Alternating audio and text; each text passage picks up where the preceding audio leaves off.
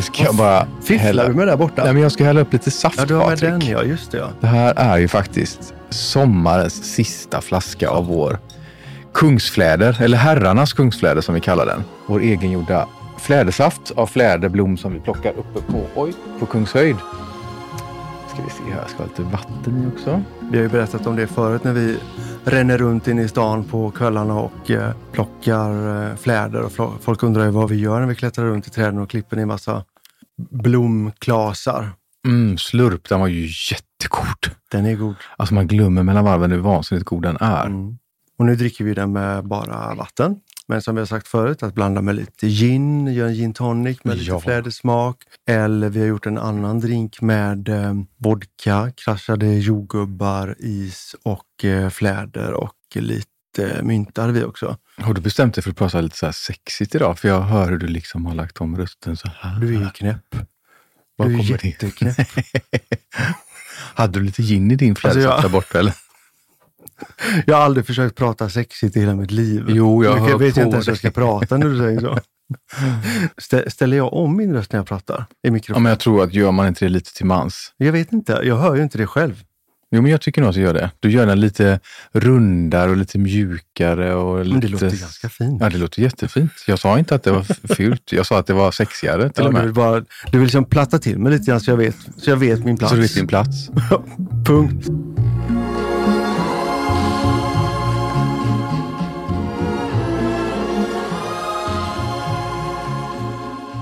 Men du, jag tänker på det.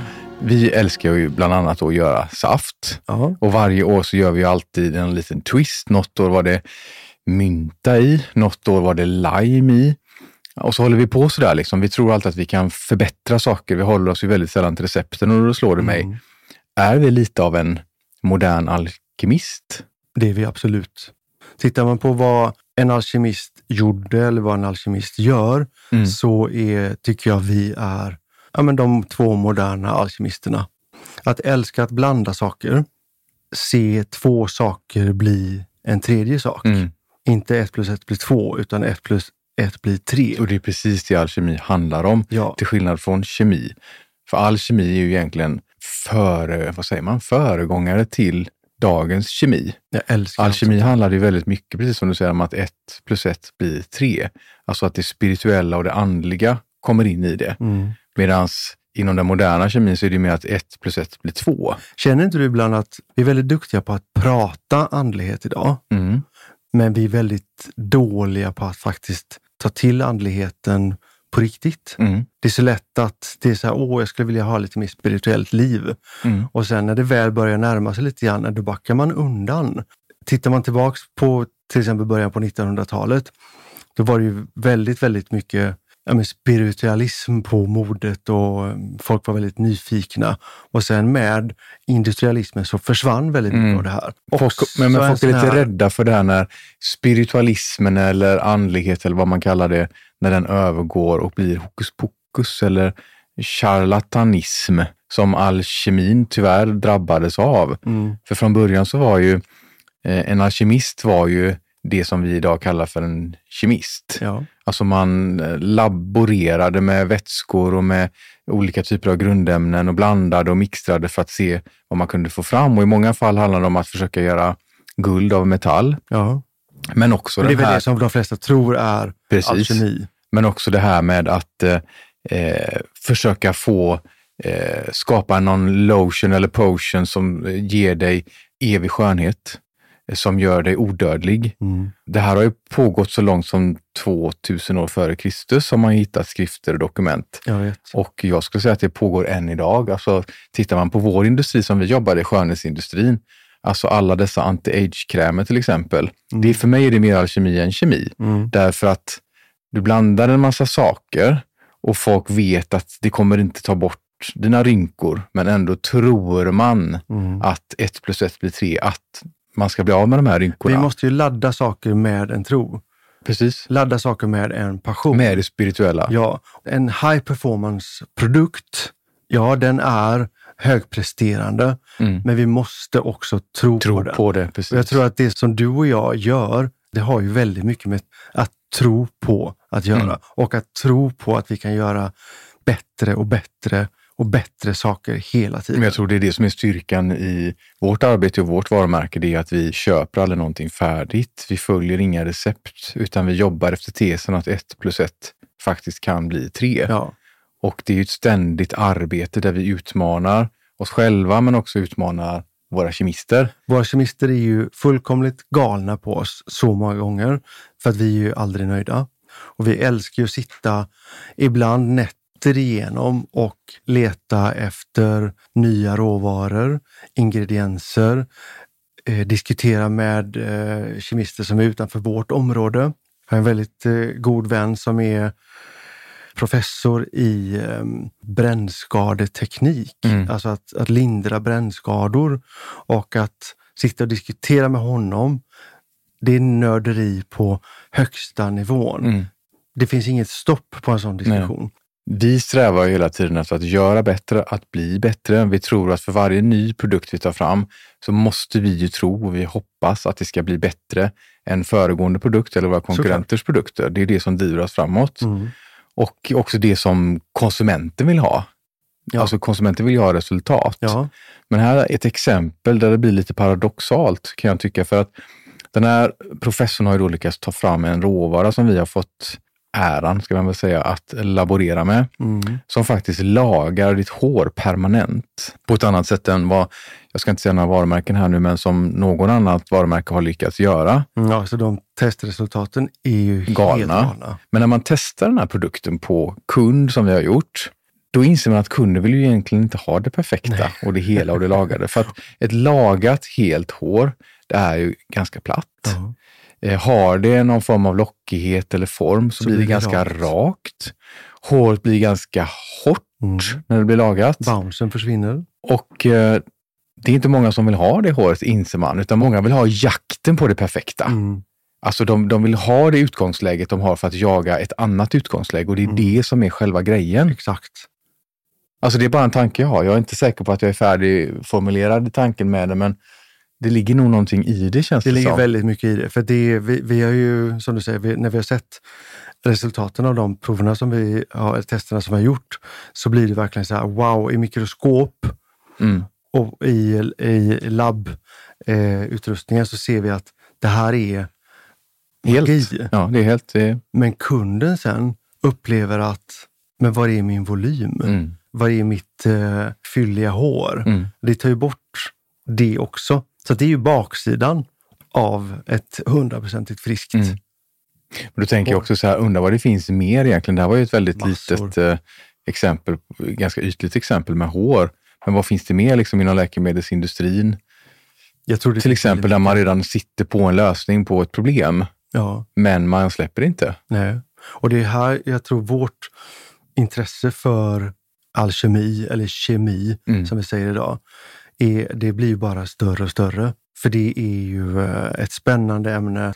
Om vi kan göra produkter som är för hår, hud och kropp som gör våra kunders liv enklare och bättre. Men samtidigt så får man inte glömma att den där sensoriska känslan, Mm. den med doften, med härligheten, alltså med Det spirituella. det spirituella Precis. är så viktigt. Mm. Anden, eller vad ska man kalla det för liksom? Ja, alltså det är lite grann sådär att det är... Det är roligt att leka med tanken på att flaskan är fadern, innehållet är sonen, men den heliga anden är liksom upplevelsen, Upplevelsen, resultatet. ja. Nu blir det väldigt... Nu blir det eh, väldigt eh, hokus pokus här. Det var väl därför kung, kung Richard Kung Richard, på precis. 1600-1700-talet förbjöd faktiskt Man gjorde någon, all kemi. precis det som vi kallar för dagens kemister. Det reglerades ju någon gång på sent 1600-tal, tidigt 1700-tal. Mm. när man skilde alkemisterna från kemisterna genom olika typer av regelverk, hur man skulle jobba. Och tyvärr blev det ju så att de alkemister som blev kvar, de fick ju en liten stämpel på sig som eh, bluffmakare och Ja, det charlataner. lite, att det inte går att vetenskapligt bevisa allting. Precis. Så det, på något sätt så hade han ju väldigt rätt i det här. Ja, man fick ju till och med man- ansöka om licens för att praktisera alkemi. Ja, men att man behöver få Det behöver bli ett regelverk. Regelverk låter ju fruktansvärt tråkigt. Men om någonting ska kunna bli bättre framöver så krävs det också att det är under organiserade former. Mm. Och det var väl det han inrättade. Men det är väl klart att kung Richard som hade byggt hela sin eh, makt på guld, På guld. inte ville att någon skulle kunna tillverka guld helt plötsligt. Tror du att det går att göra guld av tenn till exempel? Alltså jag vill ju tro på allt sånt där. Det är ju lite pinsamt att erkänna, men min rationella sida säger ju nej. Jag tror inte att det går. Ja, Jag är inte säker, men jag är ju med där lite grann att man vill gärna tro. Mitt stora intresse för kemi, alltså det har ju all, alltid funnits ett intresse av, av det här, men jag hade ju en period där jag kände att vara frisör och makeupartist och freestylande, så här, är det verkligen det jag vill göra? Så jag hade ju eh, en dröm att bli läkare då. Och eh, så jag kom så långt att jag blev underskötare. Och sen insåg jag att herregud vilket jobb. Var det inte när du stod där med det här avsågade benet i handen som du insåg att det Ja, här var men inte min nej, grej? nej, alltså det där tycker jag var ganska spännande. Jag kom i alla fall så långt att jag under flera, det var ganska många år, så jobbade jag ju på eh, akuten på Sahlgrenska och på nattoperation. Det var så spännande och så fascinerande att se hur, alltså hur vår kropp är, hur den agerar och framför allt vad läkare kan göra. Med sin skickliga kompetens hjälpa en person på vetenskaplig väg att bli hela igen. Mm. Det, det går inte att beskriva det. Och eh, nu låter jag fruktansvärt knäpp här, men jag tyckte det var väldigt spännande att vara med på eh, obduktioner. Så jag bokade upp mig flera gånger att få vara, vara med och alltså, titta när man går igenom en människokropp och man ser hur kroppen är uppbyggd inifrån på riktigt. Det är en, du kan inte Det föreställa skulle dig. inte jag klara. Jag tänker på människor som väsen. Ja, Men när man är med om en sån sak så blir det så otroligt förkroppsligat. ja. Och när det blir så förkroppsligat så försvinner lite grann magin för mig. Jag skulle inte vilja se hur du såg ut inuti till exempel. Nej, men jag vill absolut det skulle inte se hur du förstöra... Nej, men jag vet. Uh. Det, jag tycker det är jätteläskigt. Blotta tanken på det är sådär, jag vet inte. Däremot skulle jag Av bli en det. grym plastikkirurg. Det var någonting jag ville bli när jag var liten. Du hade nog dratt för mycket tror jag. Nej, jag hade inte tagit för mycket. jag Oj, hade oj, dragit sådär helt perfekt Oh. lagom. Alla hade sett ut som aliens. Nej, men alltså att hitta en plastikkirurg som inte bara kan jobbet Nej, rent tekniskt, men också som kan se estetiken på det sättet som en makeupartist gör. Mm. Och inte bara göra liksom ett Varför ett jobbar ögon- inte fler plastikkirurger ihop Nej, men jag har faktiskt haft en några som har en kontaktat mig. konsult till exempel? Så. Både sådana här eh, botoxinjicerare och fillers och, som har velat ha en kurs av mig, hur jag tänker Mm. när man formar ett ögonbryn eller hur man konturerar ett ansikte för att öka förståelsen. Men det är väl där också det spirituella kommer in. Mm. Att man måste känna empati med den personen som är här och nu. Mm. Det går inte att följa ett schema bara, Nej. utan det måste till någonting. Det måste anpassas individuellt. mer. Precis. Jag vet, jag läste om, eh, som har inspirerat mig jättemycket också, en av våra absolut största alkemister och det är ju Kleopatra. Mm. Tänk vad hon höll på. Ja. För det första så var hon ju otroligt vacker. Men hennes skönhet var väl hennes drivkraft, Ja, men jag. Och hennes hon ville ju behålla längtan det. efter att behålla den eller att uppnå en, en ännu högre skönhet Exakt. var ju det som drev henne Och framåt. framförallt en odödlighet. Men tänk den kunskapen hon hade. Ja. Hon badade i mjölk. Ja, hon badade i komjölk, hon badade i getmjölk. Hon badade i fruktsyremjölk. Och det är precis det man har idag i lite starkare Syror, ja. precis, Fruktsyra. produkter eller även kan gå till en, en salong och göra en, en pensling Mm. med en fruktsyra. ja. De teknikerna som hon tog fram tillsammans med sina Mm. alkemister, det är, de, det är den kunskapen och det är de teknikerna som vi, som vi faktiskt använder Men idag. därför är det lite ledsamt det här att uh, alkemisterna blev så otroligt bespottade på 1600-1700-talet där. För mycket av det, den kunskapen som vår tids kemister idag jobbar med är det som alkemisterna kom på. Jo, Alltså det var ju de tidiga alkemisterna som till exempel kom på hur man destillerar någonting. exakt.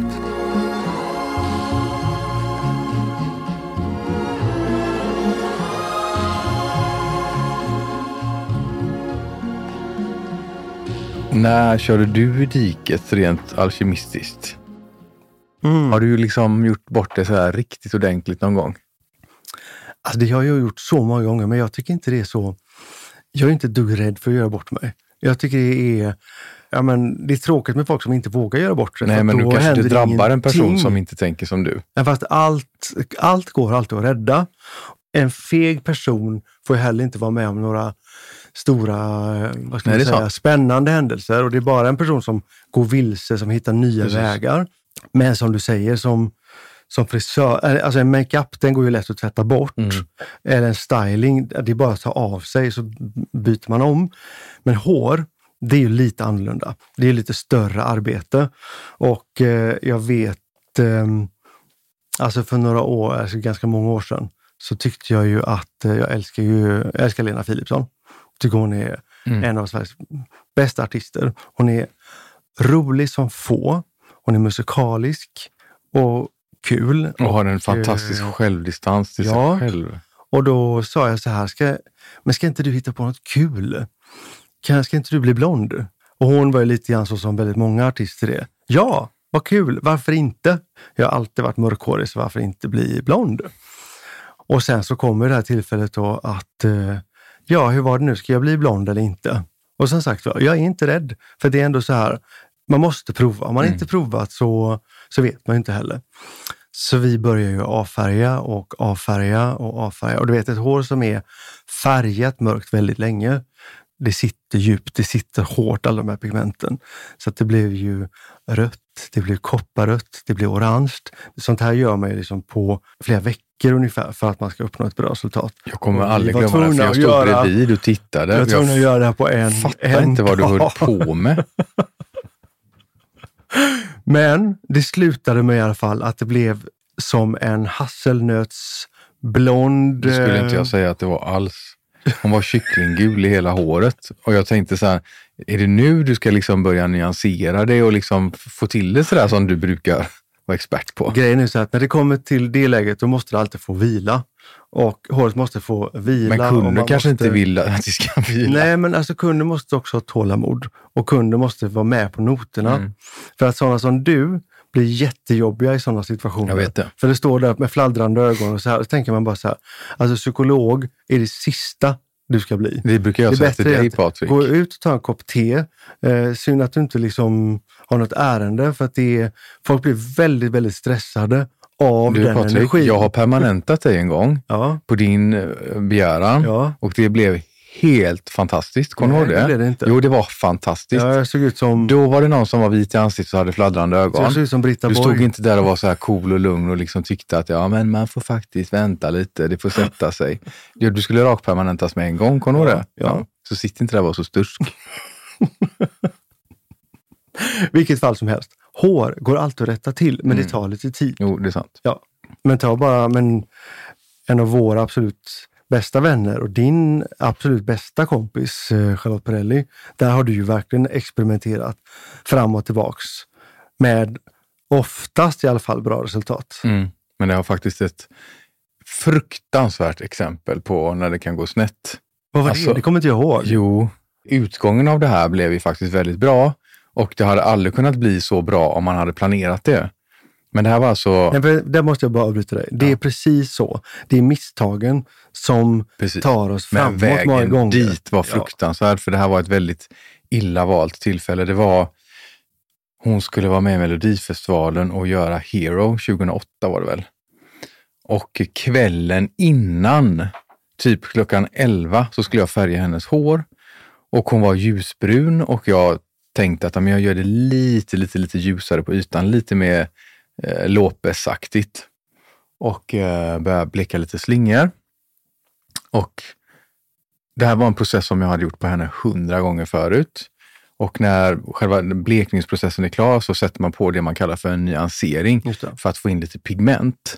Och så jobbade jag med en färg som hette typ Vanilla Toffee någonting. Och jag visste att ja, men om den har satt på så här fem minuter så blir det en sån här perfekt kall, lite sand, Sahara, blond ton på de här blekta partierna. Jag vet inte vad som händer här, men hon sitter i 20 minuter med det här Och när jag sköljer av Jag vet detta precis vad som hände. Ni satt och babblade. så är hon, om du tänker dig, helt kopparblond i hela håret. Jag hade förmodligen gjort en fel avvägning för det första på hur mycket slinga jag skulle göra, Mm. så att det var typ alldeles för mycket. Klockan är 11 på kvällen, dagen därpå ska hon stå på scenen och göra Hero. Får fullständig panik. Och du vet när man får panik så får man ju blackouts. Så jag typ tar blekpulver. Alltså det blev ju typ orange. Ännu mer orange. Och hon bara står och tittar på mig och hon är alltid så himla skön därför hon är så lugn. Efter många om och men så fick jag till en färg som jag tror aldrig skulle kunna återskapa. Men som är liksom den perfekta strawberry blond, råg, honungsblonda som blev hela den looken. Ja, det såg ut som en ekparkett. Precis. Och jag, så här i efterhand kan jag inte tänka mig den looken hon hade till Hero med en annan hårfärg än just den hårfärgen. Nej. Så att det var ju verkligen ett väldigt bra exempel på när någonting hade en väldigt bra utgång. Men det var då? fruktansvärt när det hände. Var du svettig? Jag var helt genomsvett. Jag kan se det framför mig. Och men när man inte vet vad man ska göra. Jag vet. Om min frisör skulle visa att hon eller han blir nervös under en klippning eller behandling, då hade jag gått. Mm. De ska vara bensäkra eller makeupartist som är så här, det här kommer bli så snyggt. Det, Det värsta är ju bara när man, vårt- det enda man står och tänker att man ska inte visa någonting och man visar ingenting och man är jätteglad och man visar ingenting med ögonen. men liksom det börjar forsa svett. Ja, Du kan ju Och inte stoppa din står man svett och är sjöblöt. Ja, den går, det går ju inte att styra. Nej. Det är verkligen så här, det är, det är väldigt konstigt det där alltså.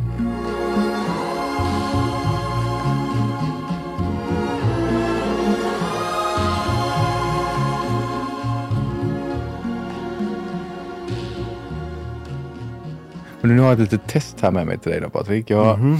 skrivit ut två stycken ingredienslistor. Mm, Eller det som vi på fackspråk kallar för inkilistor. just det. Alltså det som är på baksidan av en produkt.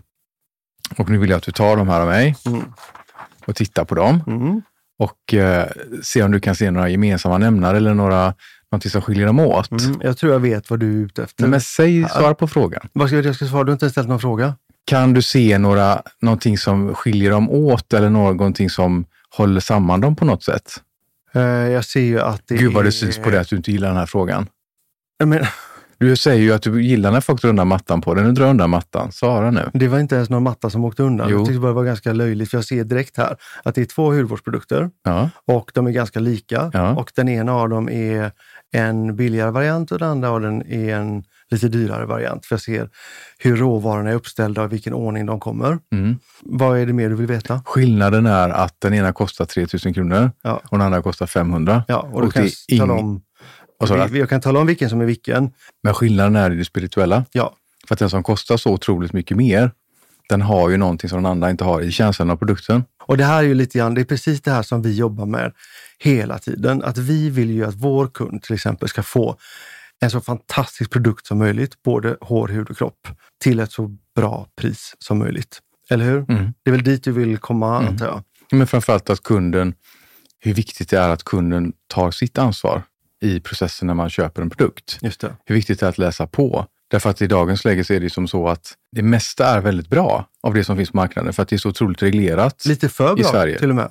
Men apropå ingredienslistor eller inkelistor då så kanske vi ska lära våra lyssnare hur man läser en sån. För jag tror inte att alla vet det. Nej. Och det är ju som så att allting är ju deklarerat i fallande ordning, så att det som står först är det som det är mest av i. Och oftast är det då vatten eller aqua. Och sen deklareras allting i fallande ordning. Och det kan vara en väldigt bra tumregel att ha med sig när man tittar. Står det chia-smör på plats nummer två efter vatten så vet man att det är mycket chia-smör i. Mm. Står det allra, allra sist så vet man att okej, det kanske är 0,1 procent. Mm. Och det är det som vi brukar kalla för etikettvärmare. Precis. Då kanske det är så att tittar man på den här ingredienslistan då på baksidan av en förpackning eller kartong och eh, hyaluronsyran står längst ner, men på framsidan på flaskan så står hyaluronsyra, alltså Överst. förstbärare, överst. Då förstår man att alltså det finns med i produkten, men det är inte, inte hela sanningen. Mm. Så att vi vill ju kalla vår kund för en step back customer. Som kund så pluggar man på lite mer. Vad är det min hud behöver? Vad är det mitt hår behöver? Och sen när man letar efter en produkt som ska passa så tittar man såklart på framsidan på flaskan. Men sen så tar man ett steg tillbaks och så vänder man på flaskan och läser ingredienslistan. Då kommer man ju närmare sanningen. Jag tänker också på det här att det är så många som stör sig på man får ofta höra att ah, men det är inte bara vatten i och det är så mycket vatten i som man betalar för. Men om en produkt har till exempel en fuktkräm har hyaluronsyra i sig, Mm. Så kanske den ligger någonstans på 2 procent. Mm. Den kan liksom inte ligga sådär Nej. värst mycket högre. Och om du ska kunna distribuera de här 2 procenten på huden så måste du ju spä det med någonting. Exakt. Det är en bärare Precis. och det är ju, den bäraren måste alltid vara med. Så vattnet är ju nödvändigt kan man säga. Och det är samma sak, ibland får jag kommentarer från folk som säger, ah, nej men det är inget vatten i den produkten förstår du, det, det är te. Ja. Okej, men hur har de bryggt det här teet då? Det är vatten. Ja, Och det är likadant med eh, det här med ekologiska produkter, naturliga produkter. Den här djungeln, du och jag vet ju knappt vad är naturligt och vad är ekologiskt Mm. och vad, vad har fått sätta en stämpel på ekologiskt. Det är en sån djungel som är men ibland tar det också fokus kan jag tycka från resultatet. Alltså, alla vet ju att en, man hellre äter en obesprutad banan än en besprutad banan. Ja, Men sen kanske man vill ha någonting mer än bara själva bananen. Och det glömmer man bort i den här debatten kring liksom om, om en produkt är ekologisk eller inte, eller om den är naturlig eller inte. Någonstans är det också ett resultat man vill åt, eller en funktion man vill Exakt. åt. kan inte du ta fram en ingredienslista på en, en banan? Absolut, ska vi se. Vi får ju ibland förfrågan så här, kan inte ni göra produkter utan kemikalier i? Och då får ju den här sucken varenda gång. Fast så förstår man att kunden vet ju ändå inte. Allt är kemi. Alltså allt är kemiskt uppbyggt. Även en 100% naturlig produkt eller en 100% vetenskaplig produkt så är det kemi. Alltså nu sitter jag här med en inko, den är så lång så jag ska inte tråka alla med den, men jag kan ju läsa upp några då. Den första ingrediensen är vatten 75 procent. Sen är det 12 procent socker och då är det olika sockerkällor såklart, allt från glukos till fruktos och sukros och maltos och så vidare. Sen är det fibrer, fettsyror eh, ja, och så Jag fortsätter tror det så här. stoppar. Och så avslutar det då såklart med eh, färg, riboflavin. Det är massa sånt här och det, jag tror att det är det folk inte förstår. Folk tror liksom att om jag har en naturlig produkt, det står bara banan på baksidan. Men det kan inte bara stå banan på Nej. baksidan. För är det banan i så kommer de här sakerna med. Exakt.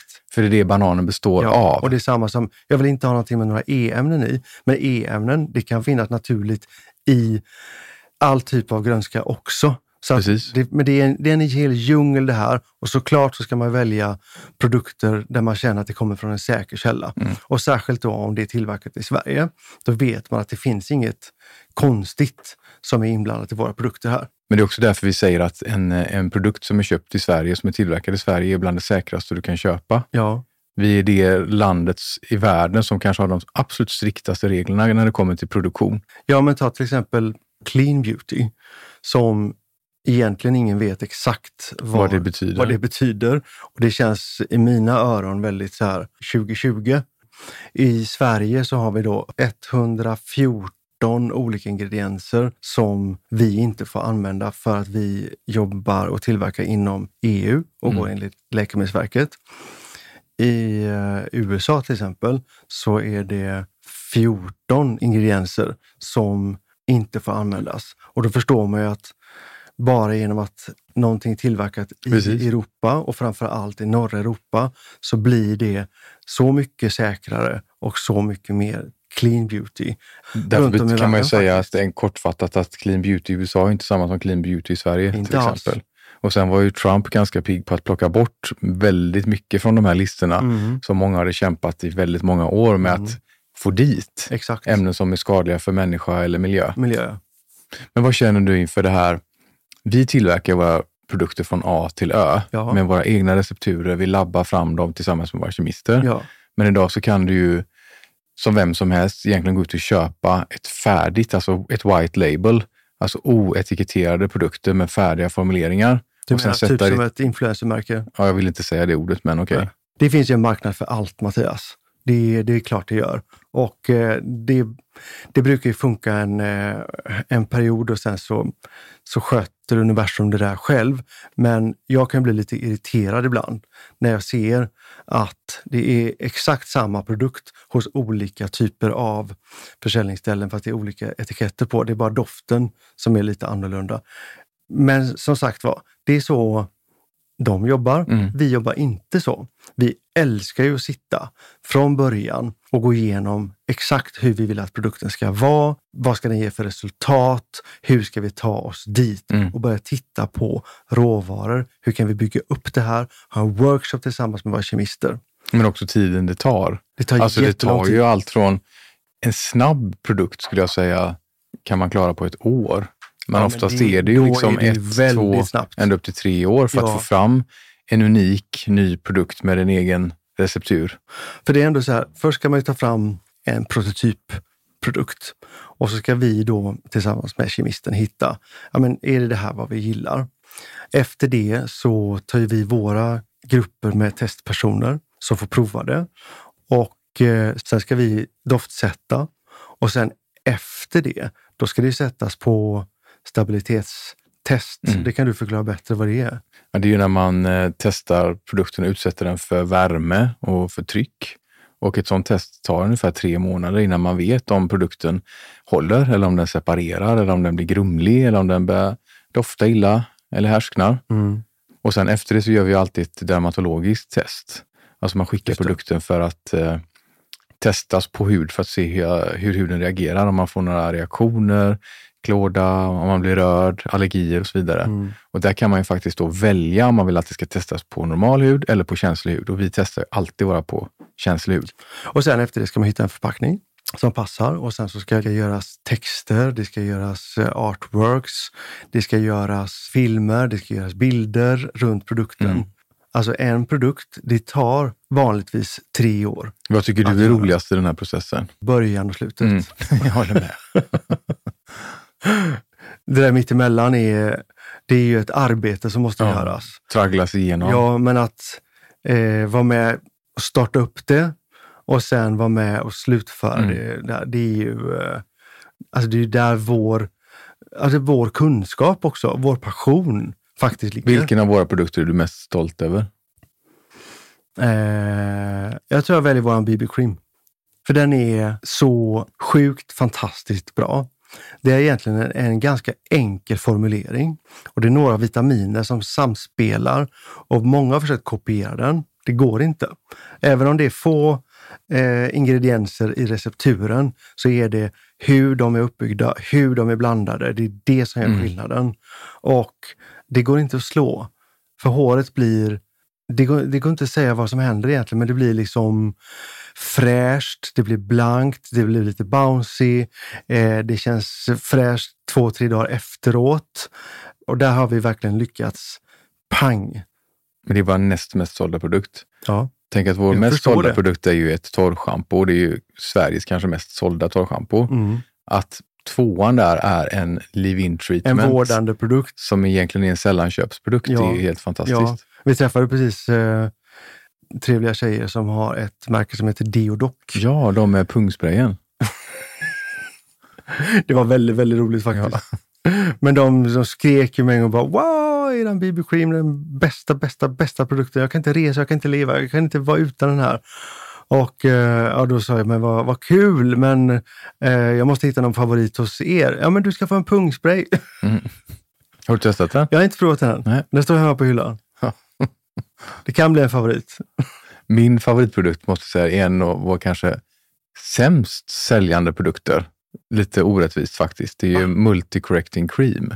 Ja, men den är inte dum du. Alltså om folk förstod vad den, den gjorde så skulle folk dum. äta den till jag frukost. Jag kan inte vara utan den. Den är ju nästintill medicinsk skulle mm. jag vilja säga och den jobbar ju på alla hudtillstånd. Mm. Vare sig det är liksom solskador, rynkor, eh, akne, rosacea eller vad som. Alltså den är helt galet bra. Mm. Och just också, vi är väldigt noga med att vi poängterar att om man testar en ny produkt så ska man ju ge det i alla fall två, tre veckor innan man, Minst. kan göra, innan man kan göra en bedömning. Fast huden reagerar, den är ju levande på ett annat sätt än vad håret är. Mm. Men här säger ju folk verkligen att ja, men efter två, tre dagar märker man en skillnad på mm. täthet, porstorlek, eh, hudton. Mm. Och den innehåller just ett ämne som, på tal om alkemi då, Mm. acelinsyra. Som eh, man förutspår och tror kan vara den nya holy grailen inom hudvård. Ja. Näst efter retinol då, som har legat överst på den här. Men den är väldigt svår att blanda. Ja, den är jättesvår att blanda, Ja, för den acelinsyran då, på tal om det här med vatten då, Ja. som vi pratade om och hur man spär och sådär. Mm. Acelinsyran kommer ju som ett eh, kritliknande pulver Ja. som då ska spädas i rätt eh, dimensioner för att få en krämform. Just det.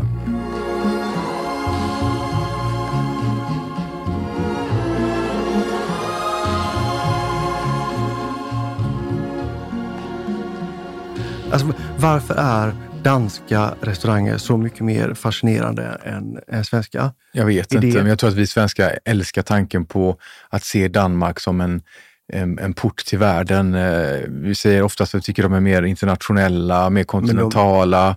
Är ju det. Jag vet. Det finns någonting i Köpenhamn som bubblar Men vi har ju, de saknar ju den svenska ängsligheten. Ja, om vi har ängsligheten Så har de så har de självförtroende. självförtroende och självsäkerheten. Och det ser man ju väldigt mycket i Köpenhamn. Men restaurangen som heter just Alkemi, Efter att våra vänner har varit där och berättat om upplevelsen så skulle jag nog inte vilja gå dit. det är fågelfötter och grishjärtan och Ja. allt möjligt tänkbart. Men det är ändå, jag gillar den spännande taken på det. Ja. Att det är kockar, de står och blandar och det ryker. Och vi sitter och det, pratar om det nu. Och vi sitter och pratar om det. Och vad, vad är det som gör att kockar har ett särskilt språk med sina tatueringar? Men jag tänkt på den symboliken. ja, men är inte det väldigt danskt också? Nej, men jag tänker just på, eh, om du tittar på tecknena inom alkemi, så var det väldigt mycket att symboler användes för att eh, ha på den- sina förkläden eller sina tatueringar. Alltså de tatuerar in, in Mm. det på sina armar. Det är väldigt snyggt. Är du sugen på att tatuera dig? Nej. Det där nej kom väldigt fort. Är du? Nej, för jag vet inte var jag, vet inte var jag skulle börja. Och sen tror jag att jag vet inte var jag skulle sluta. Men jag gillar tanken på att man har kroppen i en blank canvas. Ja. Helt och det känns som att skulle jag tatuera mig så skulle jag liksom ha märkt mig på ett sätt som jag sen inte kan bli av med. Är du något sätt. glad då att jag för många år sedan stoppade dig i Turkiet när du skulle ha taggtråd runt armen? Ja. Åh, vad du var bestämd då. Jag ska bara göra det. Kommer du inte ihåg att vi gjorde sådana här små henna-tatueringar då? Nej, Jo, gjorde vi. På vi det? handleden gjorde vi. Ja, det gjorde vi, ja. Konstiga krumelurer. just det. Så du var var verkligen sådär. Jag, alltså, vi älskar Turkiet. Ja, men jag ville vara tuff. Du, ehm, är du verkligen alkemist? Jag är mer alkemist än kemist. Ja.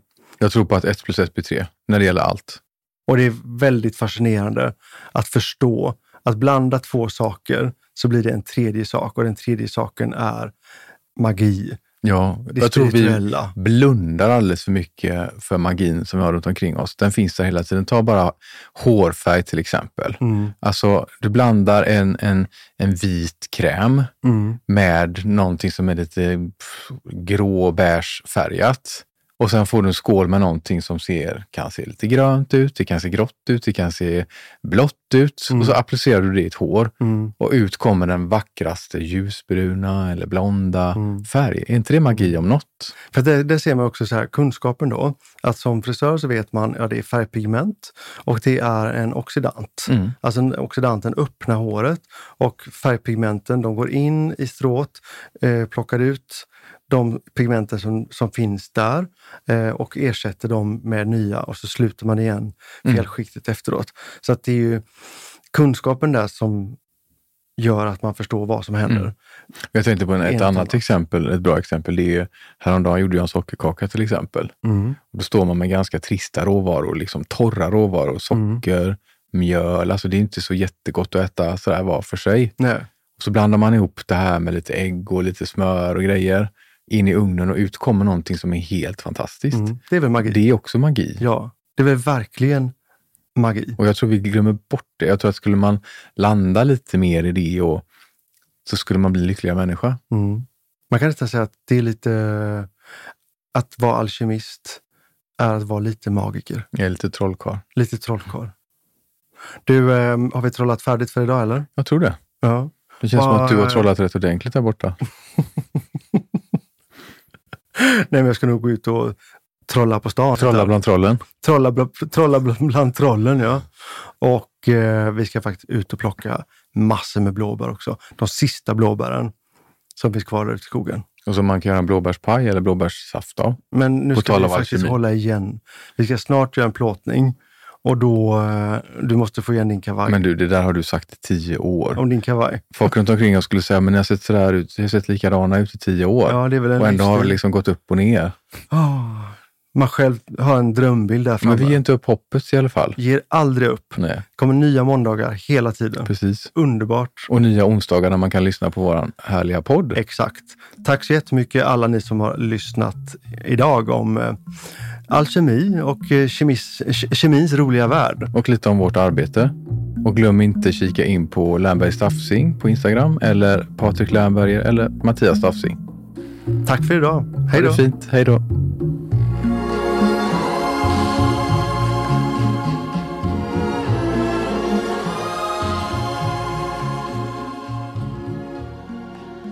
You have listened to a Pulpo original, and that makes you amazing.